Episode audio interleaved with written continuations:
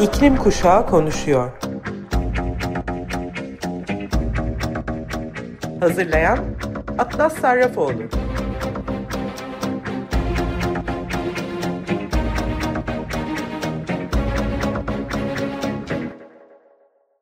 Merhaba, İklim Kuşağı Konuşuyor programında sizlerle birlikte olmaktan mutluyum. Bugün Hindistan'dan iklim aktivisti arkadaşım Aditya ile yaptığım röportajı sizlere okuyacağım. Aditya Sahadevan, Hindistan'dan 21 yaşında bir iklim aktivisti. Ego kaygıdan mustarip olduğu için yazılarıyla kaygısını aktivizme dönüştürüyor. Yeterince zaman var mı gibi binlerce soru zihnimi bulandırıyor. Yeterince yapıyor muyum, eylemlerim insanları etkiliyor mu diye soruyor. Nasıl iklim aktivisti oldunuz? Bilerek ve bilmeyerek çok fazla karbondioksit yaydığımızı fark ettiğim 8. sınıftan beri iklim değişikliği eylemi ve farkındalığına dahil oldum. Sadece iklim değişikliği farkındalığını alevlendirmek ve bundan bahsetmek için seninle yaptığım bu röportajımız bile yaklaşık 0.7 gram karbondioksit yayıyor. Bu benim için yegane nedenlerden bir tanesi. Mikro emisyonlarımız minik gibi görünebilir ancak daha büyük resimde arkasında dev bir ayak izi bırakıyor. Farkındalık yaratmak için eko kaygımı ve yazma tutkumu harmanladım ve bu şekilde bir aktivisti oldum. Bu amacı daha fazla dahil oldum ve buna daha da fazla bağlandım. Herhangi bir iklim adaletsizliğine tanık olduğumda veya iklim değişikliği konusunda güvensizlik hissettiğimde çok hassas, duygusal ve uyuşmuş hissediyorum. Ama oturmayacağım. Bunu eylemlere dönüştürmek için elimden gelenin en iyisini yapacağım çünkü oturmak ve ertelemek için zamanım yok. Zamanımın dörtte üçünü yazmaya, yaymaya, iklim değişikliği üzerine konuşmalar yapmaya adadım. Beni daha fazla yeşil çözüm benimsemeye iten bireysel eylemin gücüne inanıyorum. Yeşil ve iklim dostu çözümleri araştırmak çok küçük yaşlardan beri tutkumdu. Bu benim devam etmemi sağladı ve güçlendirdi. İklim devrimi için iklim çözüm benim mantramdır. Peki çevre hukuku okumaya nasıl karar verdin? Gelecekte ne yapmak istiyorsun? Sessizlerin sesi olmak için çevre hukuku okumaya ve eko adalet sağlayarak adaletsizliği sorgulamaya karar verdim. Dava iklim değişikliğinin etkilerini hafifletmede çok önemli bir rol oynar. Bu kararım tüm toplumun çıkarı adına yapılmış bir tercihti. Daha önce amacım bir devlet memuru olmaktı ancak yaygın ve gülünç siyaset şekli kararımı değiştirmeye yöneltti. Eğer onların emirlerine veya onların kontrol ettiği iplere göre hareket etmezsek ya işten atılırız ya da ikincil bir mevkiye indiriliriz. Bu bozulmuş sistemde erimemi ve sessizce seyirci olmamı isterler. Tam kapasitem ve bağımlılığımla çalışmama izin vermezlerdi. Sisteme olan güvenimi yitirmiştim. İçimdeki his doruktaydı ve körüklenen eko kaygım beni zor olsa da bu planı bırakmaya ikna etti. Ayrıca anne ve babamın verdiğim karardan dolayı üzülmelerinden de korktum ama bırakmak zorunda kaldım. Memnun etmek için seçim yapmak istemedim. Bu alanda potansiyele ve tutkuya sahip olduğuma inanıyorum. İklim adaleti benim için nihai hedef. Hükümetten talepleriniz neler ve şu anda ülkendeki iklim farkındalığının durumu nedir?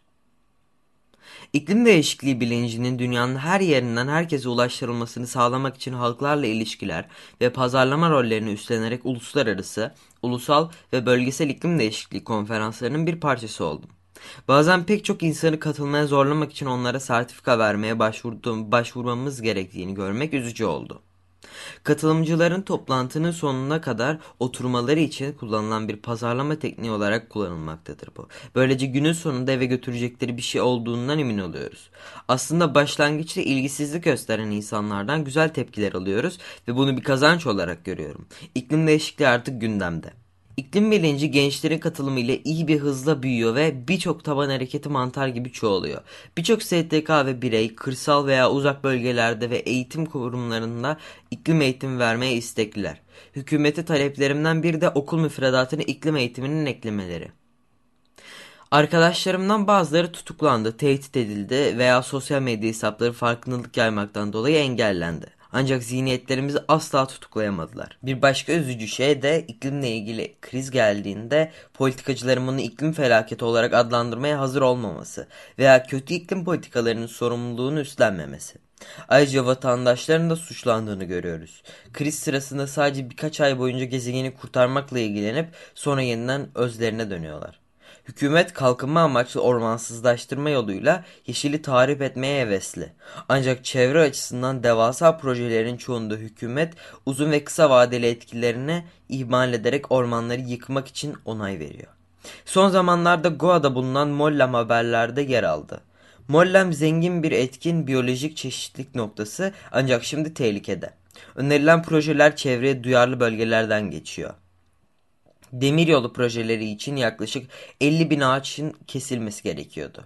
Buradaki çevre kanunlarının gevşemesinde siyasetin rolü şaşırtıcı. ÇED 2020 bildirim taslağı bu endüstriler ve projeler için izin alma sürecini zahmetsiz hale getirdi ve kamuoyuna açık duruşmanın rolü 30 günden 20 güne indirildi. Hala aktivistlerin ve medyanın baskısı altında olan hükümet protestoyu yasaklamaya ve kısa vadeli bir çare olarak ağaç dikme etkinlikleriyle ağzımızı kapalı tutmaya hazır. Hükümet bir altyapı projesi için binlerce ağacı kesmek, zengin flora ve saunayı yok etmek istediğinde protestoyla karşılaşınca şunu vaat ediyor. 5000 ağaç dikeceğiz. Bu haksızlık. Bu sadece protestoyu susturmak için yapılıyor ve bu bir çözüm değil. Aslında bu geleneksel veya yerli ormanın kendi zenginliği ve çeşitliliği olduğu için binlerce ağacın yeniden ağaçlandırma planı ormansızlaşmanın vereceği zararı kapatmak için bir çözüm olmayacak. Ayrıca birçok tür evsiz kalırsa uyum sağlayamaz. Bu ekolojik dengeyi tehlikeye atabilir ve bu türlerin nesli tükenebilir. Yeniden ağaçlandırmayı kınamıyorum ama ayrıca bu yerli ormanın karbon tutumu yeniden dikilmiş ağaçların veya Miyawaki ormanının aksine o kadar yüksek ki bu bile bu planı neden desteklememiz gerektiğini açıklıyor. Doğal ormanın korumasına ve mühürlenmesine izin verilmemeli. Hiçbir saldırı yapılmamalı. Öyleyse bu ormanın ne pahasına olursa olsun korumalıyız ve hükümetin ekilmiş olanı göz ardı etmesine izin vermemeliyiz. Bu tür bir uygulamaya izin verilemez. 2030'da kendini ve dünyayı nasıl görüyorsun? Kendimi iklim aktivizmiyle ilgili birçok alanda hayal ediyorum. Beni yalnızca eko kaygıdan muzdarip ve gezegen için katkısız endişeden mustarip bir kişi anlayacaktır. Diğerleri ise bunu iddialı hedefler olarak adlandıracaktır. Her neyse. Bunu duyarsam kızmayacağım. Ama tükenmişliklerimi normalleştiriyorum ve 2030'a kadar ulaşmak istediğim bu seviyeye ulaşmak için aktivizmi en üste yerleştiriyorum. Ancak iklim ve kariyer hedeflerime ulaşmadan sakinleşmeyeceğim. 2030 yılına kadar ulaşacak iklim ve kariyer hedeflerim iş içe ve kendimi şu işlerde görüyorum. 1. Yazar. Kendimi tam zamanlı bir iklim değişikliği aktivisti ve yazar olarak görüyorum. Sözlerimle insanları güçlendireceğim ve son nefesime kadar vermeye devam edeceğim. Yeşil teknoloji yatırımcısı. Daha fazla iklim bilincine sahip işletmeleri, yatırımcılara ve yenilikçilere ihtiyacımız var. Yeşil teknoloji işine yatırım yapacağım ve yenilikçi yeşil girişimler bulup finanse edeceğim. Çünkü devrim niteliğinde olan ancak parası yetersiz olan muazzam sürdürülebilir fikirlere sahip birçok kişi var. 3. Çevre avukatı ve bakan. Benim gibi tutkulu bir kişiyi mekanizmaya dahil edilirse dava ve yasama sürecinin birçok değişikliğe yöneltilebileceğini inanıyorum. Bunu sağlamak, iklim ve eylem politikaları başlatmak ve uygulamak için kullanabilirim. Böylelikle bütçede iklim eylemi davaları için daha fazla fon sağlanacak olur. Hindistan hükümetinin iklim değişikliğine yönelik bütçe bölüşünü beni üzdüğünden listenin en altında yer alıyor. Vegan besin zinciri. Laboratuvar ve bitki bazlı etleri teşvik edeceğim. Çünkü tek başına diyetimiz küresel karbon emisyonlarının %15 ila 20'sine katkıda bulunuyor. Hindistan'da vegan gıda zincirleri kuracağım ve ülke genelinde veganlığa teşvik edeceğim. Bunun etik bir iş olduğuna inanıyorum. Popülerlik veya kar için değil, sözlerimi yaymak için dünya çapında daha fazla bağlantı kurmak istiyorum. Dünya liderlerine hitap etmek için bir platform verilseydi onlara ne söylemek isterdin? Harekete geçin. Artık seçimlerde yapacağınız şeker kaplama açıklamalarınıza kanmayacağız. Kasıtlı veya kasıtsız eylemsizlik değil, eylem istiyoruz. Siz sağlam politikalar ve konferanslar başlatana kadar anlaşmayacağız.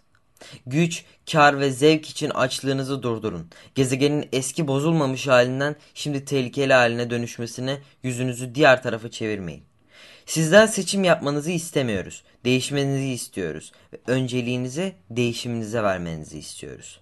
Bu en sonunda gezegenin bozulmamışlığını geri kazanmamıza yardımcı olacaktır. Sürdürülemez olan ama sadece gelişme adına romantikleşen gelişmeyi durdurun. O yaramayı bırakın. Sürdürülebilir kalkınma talep ediyoruz. Diğer ulusları günah keçisi ilan etmeyi bırakın. İklim değişikliği küresel bir tehdittir ve ulusal güvenliğin üstünde olmalıdır. Hepimiz aynı çatı altındayız. Düzeltin ve iyileştirin. Aşılar salgınları önlemek için uzun vadeli çözüm değil. Sürdürülebilir bir yol benimsemek çözümdür. Dünyanın en iyi endekslerinin zirvesinde olmak size hiçbir şey yapmama ve her şeyi yapma ayrıcalığını vermez. Evet yapabilirsiniz ama lütfen bunu gezegenin iyileşmesi için yapın. Grevleriniz için nasıl seferber oluyorsunuz ve gençler buna nasıl dahil oluyor? Ama en önemlisi hükümetiniz Hindistan'daki iklim aktivistlerini nasıl algılıyor? Gençlerin katılımı artış gördü. Hindistan'da polisin iklim aktivistlerine davranış biçimi teröristlere gösterilen muamele eşdeğer. Gerçekten travmatize ediyor. ÇED 2020'de fiziksel protestoların mümkün olmadığını ve Covid-19 ile ilgili kısıtlamaların getirildiği dönemde dışarı çıkıp protesto edemedik. Bu nedenle hükümete demokratik olmayan anayasaya aykırı ve çevre karşıtı politikayı kaldırması için baskı yapmak amacıyla sosyal medyaya başvurduk. Ayrıca hükümetin bu feci taslağa karşı kitlesel bir protesto öngördüğünü ve zihnimizdeki ve ellerindeki kısıtlamalar nedeniyle kimsenin ciddi bir şekilde dışarı çıkamayacağı böyle bir dönemi hevesle beklediklerini düşünüyorum. Ama görünen o ki hükümet gelecekteki liderlerin sesini yükseltmesini istemiyor. Bu dönem yine de birçok gencin aktivizme girmesine şahit oldu. Hükümet bizim fikirlerimizi bastırmak istiyor. Sosyal medya kampanyaları bu karşı saldırı olarak sadece bir rahatlamaydı. Ön safhalarda savaşan gençlerin liderliğindeki örgütler sansürlendi ya da yasaklandı. Böylece varlıkları neredeyse hiç fark edilmedi bile. Ayrıca bu farkındalığın daha çok insana ulaşmasından korkuyorlar. Hükümet bu acımasız taslağa karşı çevrimçi dilekçelere misilleme yaparak e-posta dilekçe bağlantılarını siteden kaldırdı. Böylece daha fazla insan fark etmeyecek ve buna karşı çıkmayacak. Böylece bu taslağı zahmetsizce uygulayabilecekti. Biz gençler bu amaçla mücadele etmek için gençliğimizi feda ediyoruz ve birçok tükenmişlik yaşıyoruz. Ve iklim ihlalcileriyle mücadele etmek ve tutuklatmak için aralıksız savaşıyoruz. Burayı daha iyi bir yer haline getirmek için iklim aktivistlerine görülen muamele iç karartıcı. Gençlerin sesleri otorite sahibi kişiler tarafından boğulmakta ve kısılmaktadır. Ama başarısızlığa teslim olmayacağız. Sonuna kadar savaşı protestolarımıza ve bilgiyi orman yangını gibi yayacağız. Yaşadığımız bu iklim krizini durdurmak için neyin gerekli olduğunu düşünüyorsun? Çok fazla gücümüz var ama insanlar bireysel eylemin gücünü küçümsüyorlar. Bu çok açık çünkü öyle olmasaydı okyanuslarımız 8 milyon ton plastik ürünle kirlenmiş olmazdı. Ne birisi plastik bir şişe fırlatsa bunun sadece bir tane olduğunu zannediyorlar ama ne yazık ki 7 milyar insanın her biri bir şişe fırlattığında düşündükleri de tam olarak buydu. Atmayarak bu düşünceye ters bir zihniyet kurabiliriz. Sürdürülebilirlik evde başlar. Politikacıları her zaman suçlamak yerine önce kendinize bakın ve sorun. Yeterince yapıyor muyum? Aktivizminde herhangi bir ikiyüzlülük unsuru var mı? Evet politikacıları sorgulama hakkınız var ama güçlü değerlere sahip olduğunuzdan ve sadece kulis yapan bir ikiyüzlü olmadığınızdan emin olun. Değişime şahit olmak istiyorsanız önce değişim sizden başlamalı. Ağaçlar, okyanuslar ve mavi balinalar gibi doğal karbon nötrleştiricileri korumak için ek çabalar sarf etmeliyiz. Toplumsal normların korunması için yürüyecek milyonlar var ama ne yazık ki iklimin sesini duyurmak için dörtte biri bile yok. Bu zihniyet canavarcı, iklim değişikliği ırkçı ve türcü değil ve insanlar gibi ayrımcılık yapmıyor. Herkes buna rağmen etkilenecek ve harekete geçmemiz gerekiyor. Bu zihniyetin yönünü değiştirmemiz gerekiyor. Çünkü güçlü çevre yasalarına, taban hareketlerine yardım edecek ve uygulanacak tutkulu politikacılara ve kuruluşlara ihtiyacımız var. Ve iklim eğitimi de okul müfredatının bir parçası olmalıdır. Hem bireysel hem de kurumsal düzeyde değişikliklere ihtiyacımız var. Yaşam tarzımız iklim değişikliğine büyük katkıda bulunuyor. Moda, insan krizini tetiklemede gizli ve korkunç bir rol oynamaktadır. Ayrıca uygun olmayan ıskarta ve tasarım hataları eşyaların geri dönüştürülmesini zorlaştırıyor.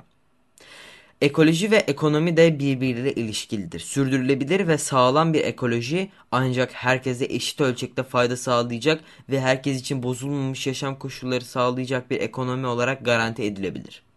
Daha fazla iklime duyarlı bireylere, iş yerlerine ve kurumlara ihtiyacımız var. Last month was warmest month in record history. We have been hearing this for the past 12 months, right?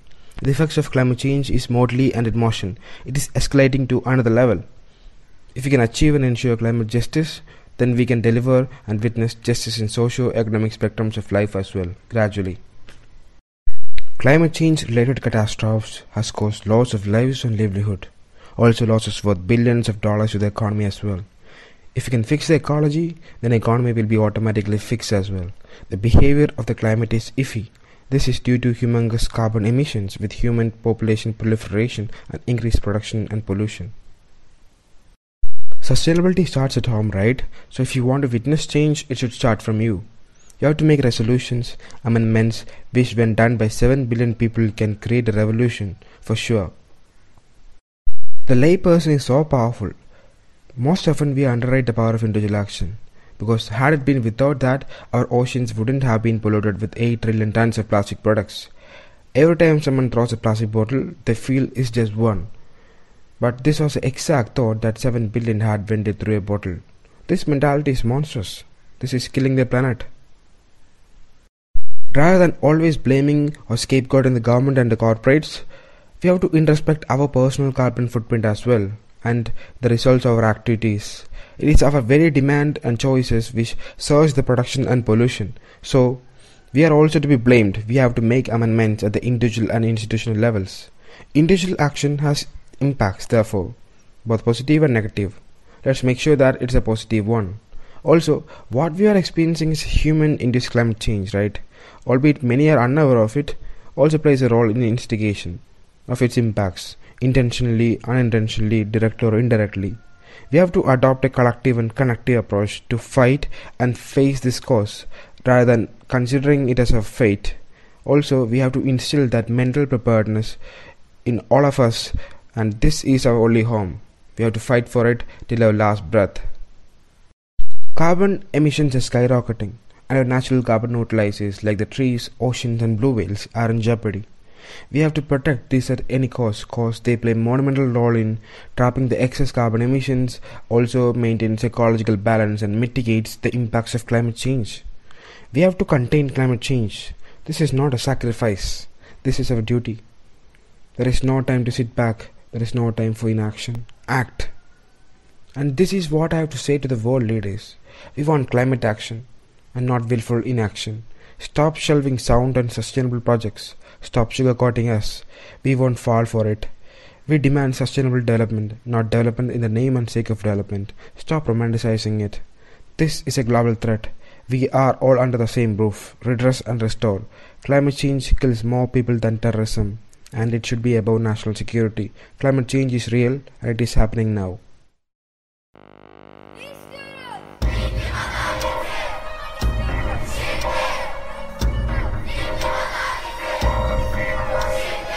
İklim Kuşağı konuşuyor. Hazırlayan Atlas Sarrafoğlu.